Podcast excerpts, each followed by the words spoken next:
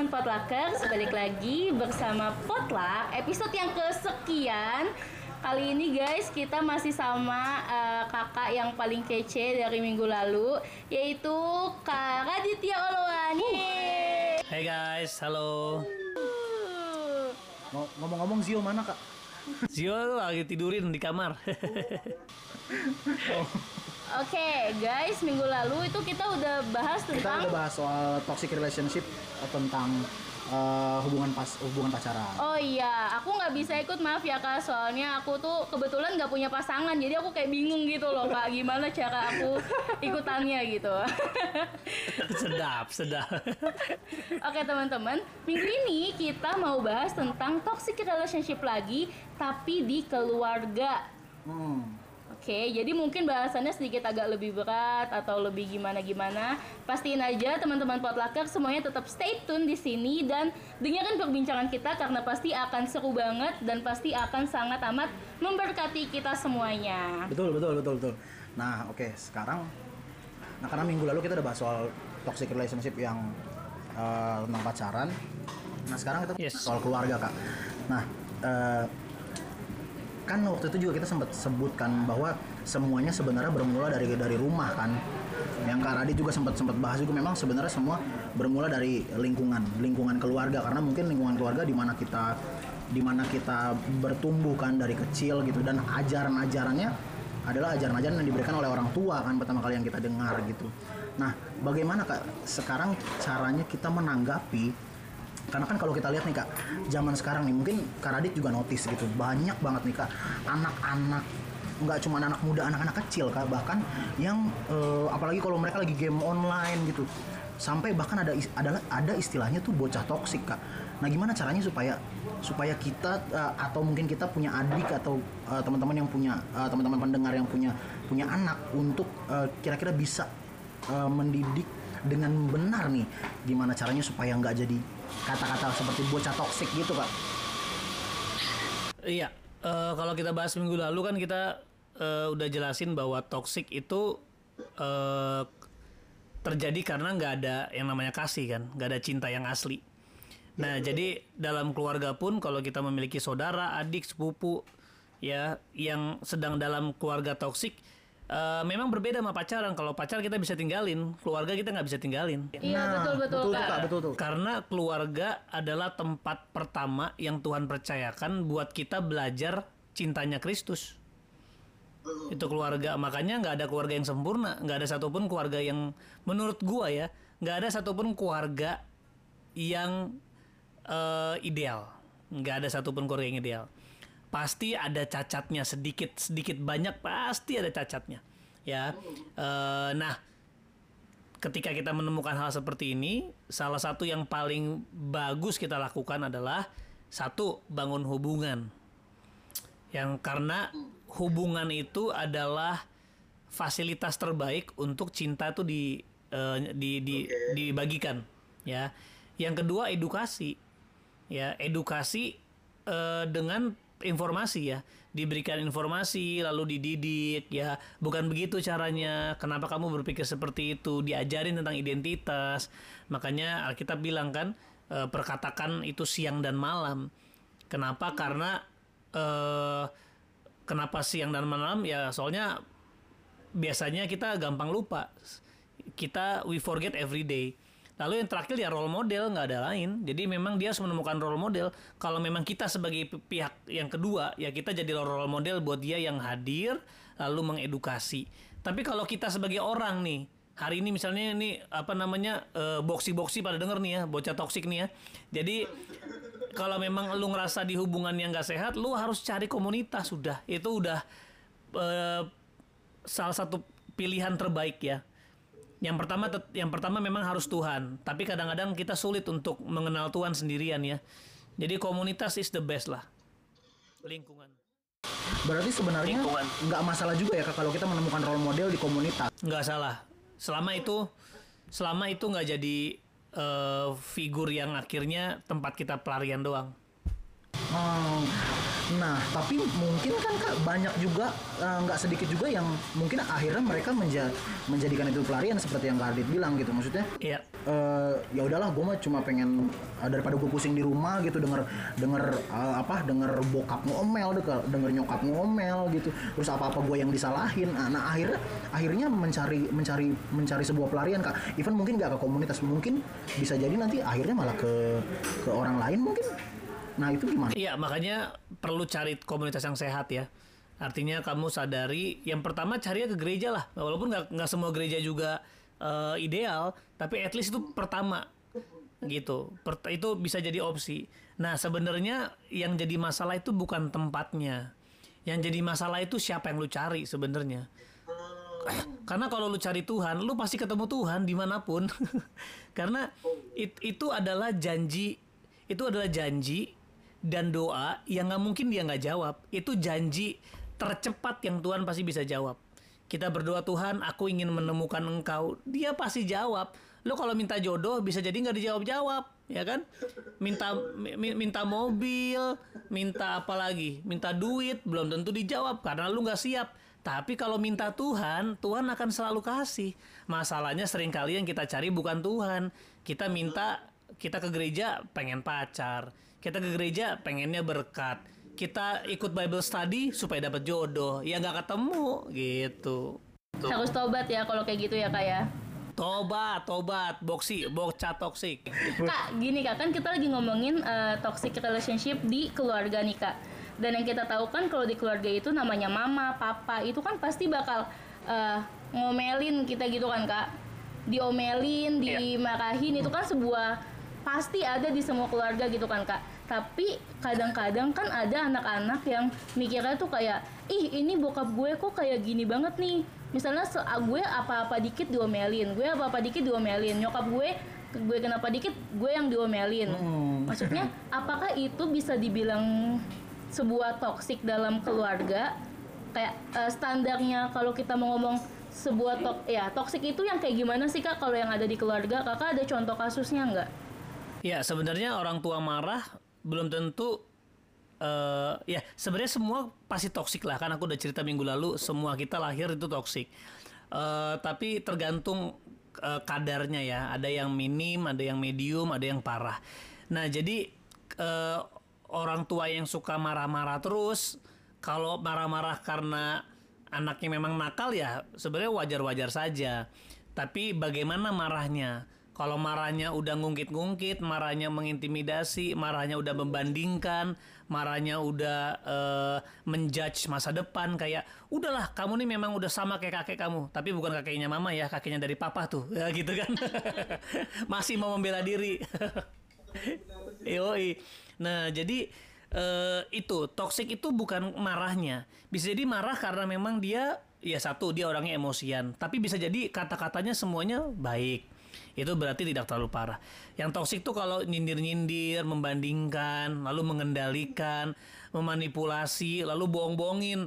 Udah pokoknya nanti eh, kalau kamu tidur ya nanti tenang. Nanti pokoknya mama nggak jadi panggil gondorwo ke rumah ya. Tapi kalau kamu tidur malam nanti mama panggil gondorwo, makolor ijo gitu ya. Toxic karena kan toxic itu membohongi kan.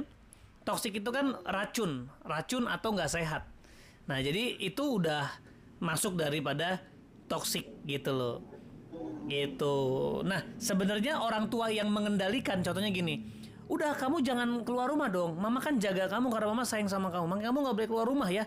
Pokoknya nanti kamu nggak boleh main keluar karena di luar itu semua setan-setan semua jahat. Itu juga toxic.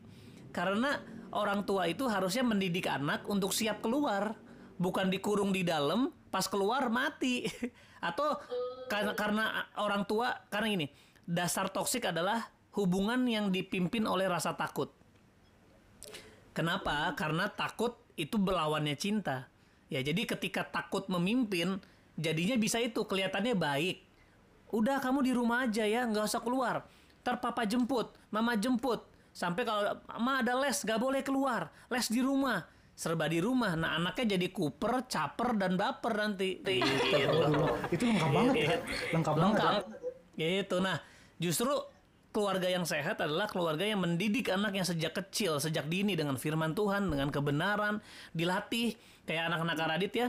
Eh, gua nggak bilang gua adalah keluarga yang sehat, gua adalah keluarga yang juga eh, tidak ideal, artinya kita membangun keluarga di saat kita nggak siap. Tapi firman Tuhan adalah kebenaran. Nah, jadi dari kecil mereka udah gue ajarin tentang anything. Gue ajarin tentang seks, gue ajarin tentang LGBT, gue ajarin tentang sedikit-sedikit tentang narkoba, gue ajarin cara, gue ajarin ini jahat begini, ini begini, gue kesaksian dulu gue gini, dulu gue main perempuan, gue ceritain tergantung kadar umur mereka. Supaya ketika temen yang ngajarin dia bilang gini bapak gue udah ngajarin cerita lu kurang hebat. Ya kan? Bapak gue lebih mantap gitu ya kak ya. gitu. Wah, wah iya benar-benar sih kak. Tapi, nah kalau mis kalau misalkan eh, kira-kira kak, misal treatment-treatment khusus kak untuk untuk kita eh, menyampaikan karena kan yang tadi kak Radit bilang kan eh, ada kadarnya kan gitu dengan dengan kadar-kadar yang ya kadar khusus karena mereka mungkin anak-anak. Nah, eh, ngeram maksudnya untuk mencari tahu untuk ngeramu kata-kata kadar itu gimana maksudnya supaya kita bisa supaya kita juga bisa menyampaikan gitu menyampaikan kepada mungkin adik gitu kepada mungkin juga kepada teman-teman yang sudah punya anak gitu karena kan ini kan sebenarnya pembahasan yang mungkin sedikit canggung gitu kan Iya iya. Iya, jadi eh, kalau aku pribadi membahas tentang seks dari kecil karena dari kecil pun anak kecil kan udah udah mulai pegang-pegang mereka punya kelamin kan. Jadi kadang-kadang anak umur 4 tahun ya kayak dulu Zoe pegang-pegang itunya, eh Dedi geli enak. Lah itu udah umur 4 tahun. Ya kan? Nah, jadi gue harus ngajarin, oh iya itu vagina. Jadi maksudnya itu perlu diajarin pelan-pelan. Lalu di SD Mbak ini orang anak-anak SD tuh udah ngomong F word, udah ngomong bahasa-bahasa seksual, mereka udah jadi udah SD tuh diajarin tentang kata-kata itu. Diajarin bahwa eh kenapa kamu ketawa ngomongin tentang penis? Ya walaupun gue juga kalau ngomong agak bercanda juga supaya mereka bisa masukkan. Tapi kenapa kenapa kamu jijik? Penis kan ciptaan Tuhan. Emang kenapa kamu jijik sama vagina? Vagina kan ciptaan Tuhan. Eh, mereka ketawa-ketawa. Nah, gue berusaha untuk mendefinisikan ulang itu. Ya, ketika mereka lagi eh, contohnya mereka anak kecil waktu itu ya ya SD lah. Lalu mereka lihat ciuman. Nah ini memang jangan dijadikan metode ya. Ke- tapi lagi wedding lagi nikah dan itu suami istri. Waktu waktu boka apa waktu anak gua tutup mata gue suruh buka. Lihat itu namanya kissing. Gue bilang gitu. Dan itu kissing kissing yang hanya bisa dilakukan oleh orang sudah menikah. Gitu. Nah tapi kalau lagi nonton film orang-orang pacaran ciuman gue suruh tutup em, mata. Apa bedanya? Bedanya itu nggak nikah. So kamu jangan lihat itu perbuatan yang cabul. Gitu ay kurang lebih. Jadi gini kak, aja maksudnya pesan buat teman-teman potluckers nih yang keluarga muda yang mungkin eh, udah punya anak bisa ngajarin anaknya eh, tentang hal itu tapi dengan cara yang benar gitu ya kak ya. Jangan Iya, cuma ngelarang-larang, jangan cuma enggak gitu, enggak gitu, enggak kayak gitu, enggak boleh. Kamu enggak boleh tahu, kamu masih kecil. nah betul betul betul karena banyak tuh iya iya kayak kayak dulu kan waktu kita ngomongin tentang apa eh jangan ngomong itu dosa nanti Tuhan marah gitu loh jadi terlalu maksudnya gini banyak melarangnya tapi tidak mem- tidak memberikan Tidak solu- ngasih tahu. dan tidak berikan solusi yang benar gitu Iya, Iya, yang iya. ada Ya anaknya itulah. malah jadi cari cari pengertiannya di tempat lain. Iya, justru malah akan malah Iya. akan salah salah ya kadar yang tadi yang Kak Radit mungkin sudah sebut tadi. Iya kalau yes jadi memang harus jadi memang hak kita kita pun kita pun harus memberanikan diri berarti ya kayak untuk untuk uh, membahas hal, hal seperti itu ya kayak. yes yes yes harus banget dan eh, nggak harus nggak hanya membahas Eh, ini PR-nya setiap orang tua harus kuat edukasinya makanya eh, orang tua sering kali eh, nggak sabar untuk me- menyekolahkan anaknya karena mau buang body Iya kan? jadi mereka itu kenapa pengen anak-anaknya iya. Iya mereka maunya buang body padahal tugas anak eh tugas orang tua yang menjadi pendidik pertama menjadi guru menjadi eh, pastor menjadi pendeta menjadi kakak menjadi abang menjadi musuh termasuk menjadi musuh orang tua harus belajar menjadi musuh pertama habis itu belajar untuk rekonsiliasi Hmm, tapi Kak Radit sendiri waktu menjelaskan itu Kak kepada anak-anak Kak Radit eh, apa maksudnya respon respon anak-anak tuh seperti apa Kak? Ya mereka pertama-tama pasti ketawa-ketawa. Ya mereka ketawa, gue ikutan ketawa juga. Pertama gue bercanda-bercandain lah gitu-gitu. Tapi karena gini, yang paling penting itu anak harus tertanam gini. Gua bisa aman ngomong apa pun sama bokap gua. Itu itu itu yang paling penting ya supaya eh, mereka ketika mengalami hal-hal yang nggak baik, mereka punya rasa aman juga untuk cerita ke orang tuanya. Makanya aku bangun hubungan sama mereka. Aku banyak curhat, termasuk aku cerita juga tentang kejatuhanku, kelemahanku. Gue ceritain sama anak-anak. Kalau gue lagi stres, gue suruh mereka doain gue. Kalau gue lagi nangis, lagi takut, gue ngadu sama mereka. Gue suruh doain tumpang tangan ya kan. Hmm, jadi membuat mereka ikut terlibat ya kak ya? yes, that's true, terlibat. Kata itu penting, terlibat. Oke oke oke. Nah uh, satu pertanyaanku lagi nih kak.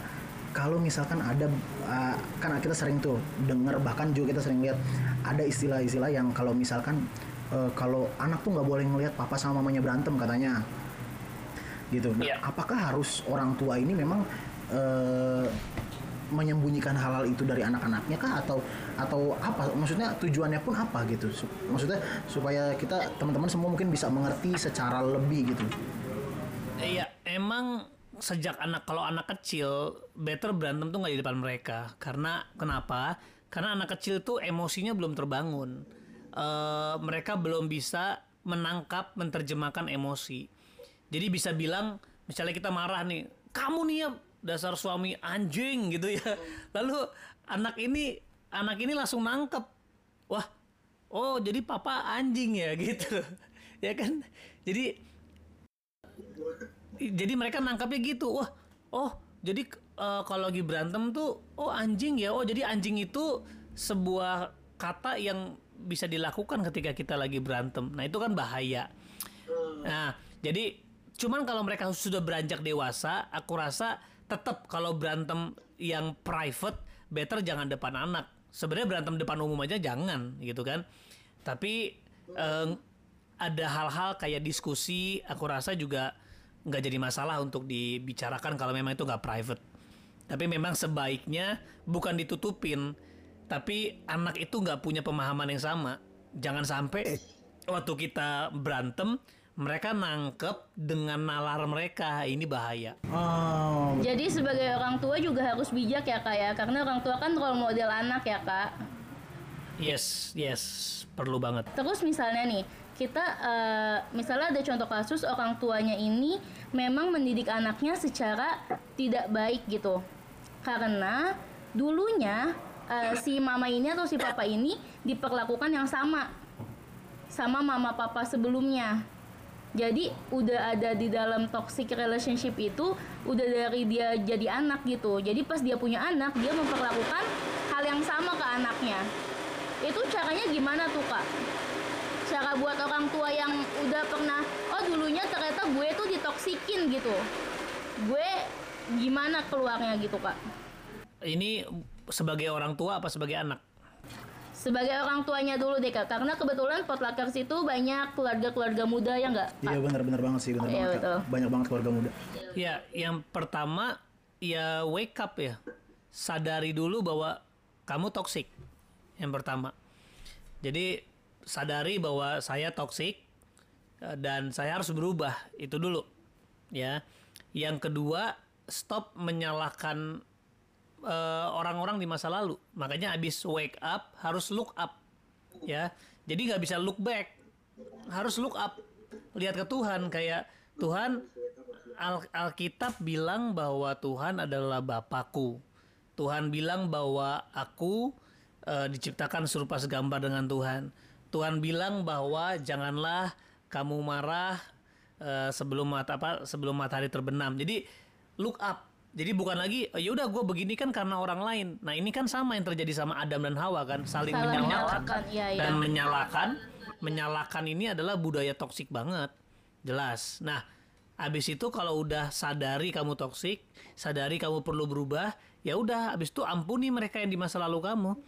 Ampuni orang tuamu bilang ambil kembali hidupmu bahwa saya begini bukan karena orang tua saya saya begini karena keputusan saya sendiri untuk menjadi toksik karena kalau masih menyalahkan artinya kamu sedang melepaskan kendalimu sama orang lain.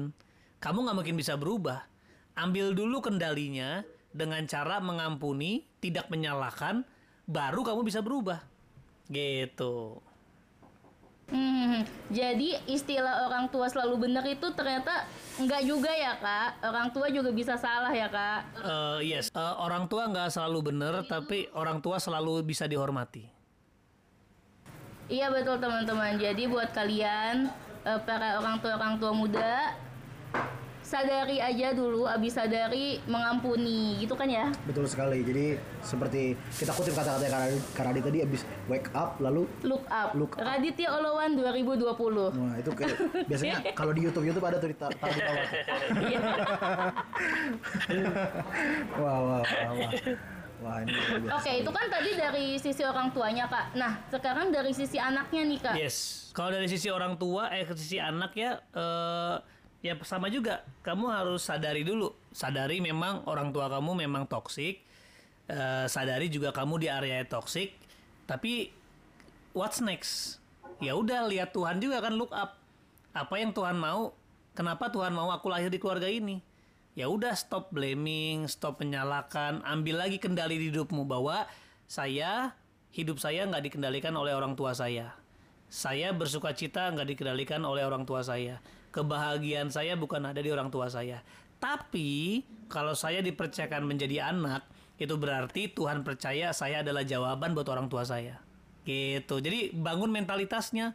Sama tadi kita sadar ini toxic, sadar harus berubah dan look up. Karena kalau kita look up sama aja kayak kita look the Bible. Look look look the Bible ini salah satu kita look up loh. Ya, salah satu kita look up, kita melihat apa yang Tuhan mau untuk saya lakukan, apa yang seharusnya saya lakukan, ya. Dan ini membuat kita akhirnya bisa menjadi game changer di keluarga. Nah tapi kan kalau misalkan misalkan kita anak tersebut memang sudah sudah akhirnya berangkat dari berangkat dari eh, lingkungan yang memang sudah sudah membentuk dia seperti itu gitu loh. Iya. Lalu lalu untuk gimana caranya untuk eh, kita memberikan dia solusi atau kita menasehati orang tersebut karena kita kan pasti care dengan orang tersebut. Nah supaya dia mau mau mau menerima gitu karena kan nggak banyak Iya. juga yang akhirnya apaan sih lu ya ini urusan gue lah gitu maksudnya banyak banyak banyak yang akhirnya merespon seperti itu gitu kak Iya, memang untuk memastikan mereka menerima kita nggak bisa lakukan itu 100%. Tapi at least kita punya beberapa cara untuk memudahkan mereka menerima. Yang pertama kita punya hubungan yang pasti. Yang kedua kita juga bisa melihat hal yang baik dari mereka. Jadi kita bisa puji dulu. Contohnya, eh gue lihat lu belakangan udah banyak berubah ya. Kayak eh gue lihat lu tuh gila lo, lu tuh punya potensi, lu tuh kuat di sini. Gue lihat anak-anak lu juga wow itu apa eh, benih-benih ilahi yang gue lihat tuh dahsyat banget. Eh lihat nggak sih anak lu yang ini? Jadi kita perlu omongin yang baik dari mereka dulu. Nah baru yang ketiga baru teguran. Tapi tegurannya eh, ya dengan kasih ya. Artinya gini. Tapi gue ngelihat apa yang lu lakukan kemarin, gue rasa kurang pas sih. Maksudnya eh, bukankah? Tapi harus relate sama firman Tuhan karena harus ada dasar. Atau kalau nggak firman Tuhan, at least kita punya dasar. Contoh gini, apa iya anak lu dapat dapat nilai 4 terus lu bilang bego? Apa iya cuman sekali gagal lu bilang bego? Gitu. Nanti kalau lu ngomong bego, bagaimana kalau dia percaya, oh ternyata aku bego, terus bego mulu gimana? Kenapa lu nggak ganti bahasanya? Bahwa eh kamu tuh pinter, kenapa dapat nilai segini? Gitu kan bisa. Nah, habis itu habis kita tegur, terakhir kasih tahu konsekuensi. Misalnya dia bilang gini, ah lu urus-urus hidup gua lu. Ya nggak apa-apa sih, gue sih peduli sama hidup lu. Karena kalau lu hari ini nggak bangun, bisa jadi nanti masa depan itu malah suram. Jadi kasih tahu konsekuensi. Jadi kemungkinan-kemungkinan yang terjadi kalau mereka tetap lakuin hal itu. Oke, Kak. Oke, teman-teman Potluckers, jadi eh, kita buka sesi pertanyaan. Kalau kalian mau tanya, kalian boleh langsung chat ke nomor yang kalian udah tahu. Kebetulan nih Kak, ada yang nanya nih. iya. Ini mereka sangat amat responsif nih Kak. Jadi ada yang nanya. Kayaknya nih yang nanya ini masih sekolah nih Kak. Tanya kayak gini. Eh, aku kalau ulangan dapat bagus, aku nggak dipuji yang kayak gimana-gimana. Sedangkan kalau misalnya ulangan aku dapet jelek, kayak misalnya aku remedial, aku kayak langsung disalahin kak orang tua yang kayak gitu termasuk toksik nggak ya Ya bisa jadi, bisa jadi ya. Eh, tapi bisa jadi juga ya memang cara itu aku bisa masukkan kategori toksik. Ya. Tapi mungkin itu cara yang dia tahu untuk menyemangati. Ya, bisa jadi dulu dia nggak pernah dipuji sama orang tuanya juga. Dan itu bisa eh, bisa jadi itu membangkitkan dia mungkin. Jadi dia menggunakan konsep yang sama yang mungkin toksik diberlakukanlah sama anak gitu. eh terus kak ini ada lagi yang nanya kak Banyak nih kak, kita sudah nyiapin sekitar 3.780 pertanyaan kak. Ya. Kak ada yang nanya. Kak, mama aku sering ngatain aku walaupun cuma bercanda. Tapi aku nggak suka yang kayak gitu mama aku toksik nggak kak? Eh ya kalau dibilang dia bercanda aku sama anakku sering bercanda ya. Ya kamu harus ngomong, sebenarnya kamu harus ngomong ke orang tuamu bahwa mah kemarin mama bercanda aku sebenarnya agak kecewa loh, aku agak sakit hati. Kasih tahu siapa tahu itulah cara mereka eh berhubungan.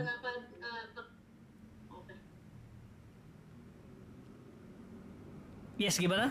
Atau mungkin kak mamanya itu tipe-tipe yang tipe yang kayak otoriter gitu loh kak. Mungkin ya. Aku juga nggak tahu kan ini soalnya nggak dikasih tahu cerita mamanya kenapa. Tapi kalau dari yang aku baca mungkin tuh maksudnya mamanya itu kayak otoriter gitu loh yang nggak mau disalahin gitu. Tapi kalau bercanda ngatain tapi dibecandain balik tuh nggak mau mungkin gitu kali kak. Emang nggak boleh Oh, bercandain iya. orang tua sih kita sih.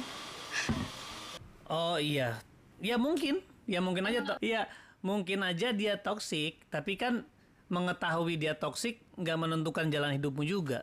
Justru pertanyaannya respon kamu gimana?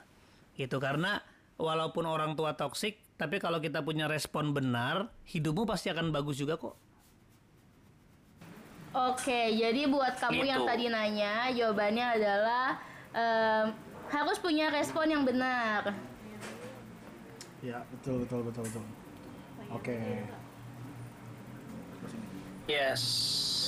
Oke, Yes. teman-teman, buat eh, yang 3778 lagi yang belum 80, 307, 3.780. ya, buat yang udah tanya, mohon maaf banget kita eh, mulai mulai kehabisan waktu ya, guys. Jadi gini Kak, ini kan kita udah mau ending nih Kak. Closing statement, statement closingnya gimana nih Kak? Hmm, untuk untuk toxic relationship yang membahas soal keluarga kak. Oke, buat teman-teman hari ini yang mungkin punya keluarga yang rasa-rasanya toksik, eh, stop untuk ngomongin keluargamu, tapi mulai ambil langkah pasti untuk kamu itu berubah. Artinya ambil langkah pasti supaya hidup kamu tidak lagi dikendalikan oleh situasi toksik, tapi benar-benar dikendalikan dan dibangun oleh kebenaran firman Tuhan. Karena firman Tuhan itu jauh lebih powerful dari keadaan toksik setoksik-toksiknya. Jadi daripada ngomongin toksik, mendingan lu ketemu Tuhan, berubah dan bawa Tuhan ke keluarga lu. Dan lu jadi pemenang buat keluarga lu. Wah, Oke, mantap biasa banget teman-teman itu tolong di quotes kata-katanya Kak Radit ya guys. Jadi gini teman-teman, kalau dari eh, pendapat aku sih gini, kalau toxic relation, toxic itu kan berarti keadaan yang nggak sehat kan kak. Dan kalau misalnya Ya. bisa nggak sehat, berarti dia bisa jadi sehat dong kak. Ya kan? Jadi buat teman-teman yang mungkin sekarang ada di lingkungan rumah yang seolah-olah toksik, kalian nggak usah ber, eh, bersedih berla- bersedih terlalu lama kayak eh, merasa menyesal kok gue ada di keluarga ini terlalu lama? Nggak usah kayak gitu teman-teman. Karena yang namanya hubungan yang toksik itu bisa jadi nggak toksik asal kita punya respon hati yang benar. Betul, betul sekali, betul, betul teman-teman. ya dan yang penting cari komunitas yang tepat juga gitu kan kak Untuk mencari role model ya kak ya. Ya, Ya, kalau kalau kalian nggak dapetin role model itu di rumah, kalian bisa cari di komunitas yang benar, di gereja kalian mungkin, sama kakak rohani kalian. Dan yang terpenting, kalau misalnya gitu tuh tetap cari Tuhan, teman-teman potluckers.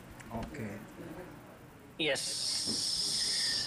Oke. Oke, terima kasih banyak Kak Radit buat waktunya selama dua kasih minggu. you. Makasih banyak. Ya. luar biasa nih. Kita terberkati banget ya, apalagi pembahasan yang minggu lalu ya guys, yang tentang hubungan ya guys ya. Harus selalu memberkati. Oh, iya. Oke kak, terima kasih banyak buat eh, buat kesempatan kali ini. Eh, ada pesan apa? Apa pesan? Kakak kakak Cika. Pesannya adalah teman-teman tetap cari Tuhan, Iya. walaupun di tengah keadaan gimana pun, mau itu toksiknya itu di keluarga, di eh, kerjaan, te- di pertemanan, di mana satu lagi? Pacaran. Di pacaran semuanya jalan satu-satunya adalah tetap cari Tuhan guys. Karena Tuhan adalah jalan keluar dari segala masalah kita. Amin. Gitu ya. Oke terima kasih semuanya yang udah dengerin episode kali ini. Sampai jumpa lagi di episode minggu depan. Dadah. God bless. Dadah. Dadah, God bless you, goodbye. Makasih Kak Radit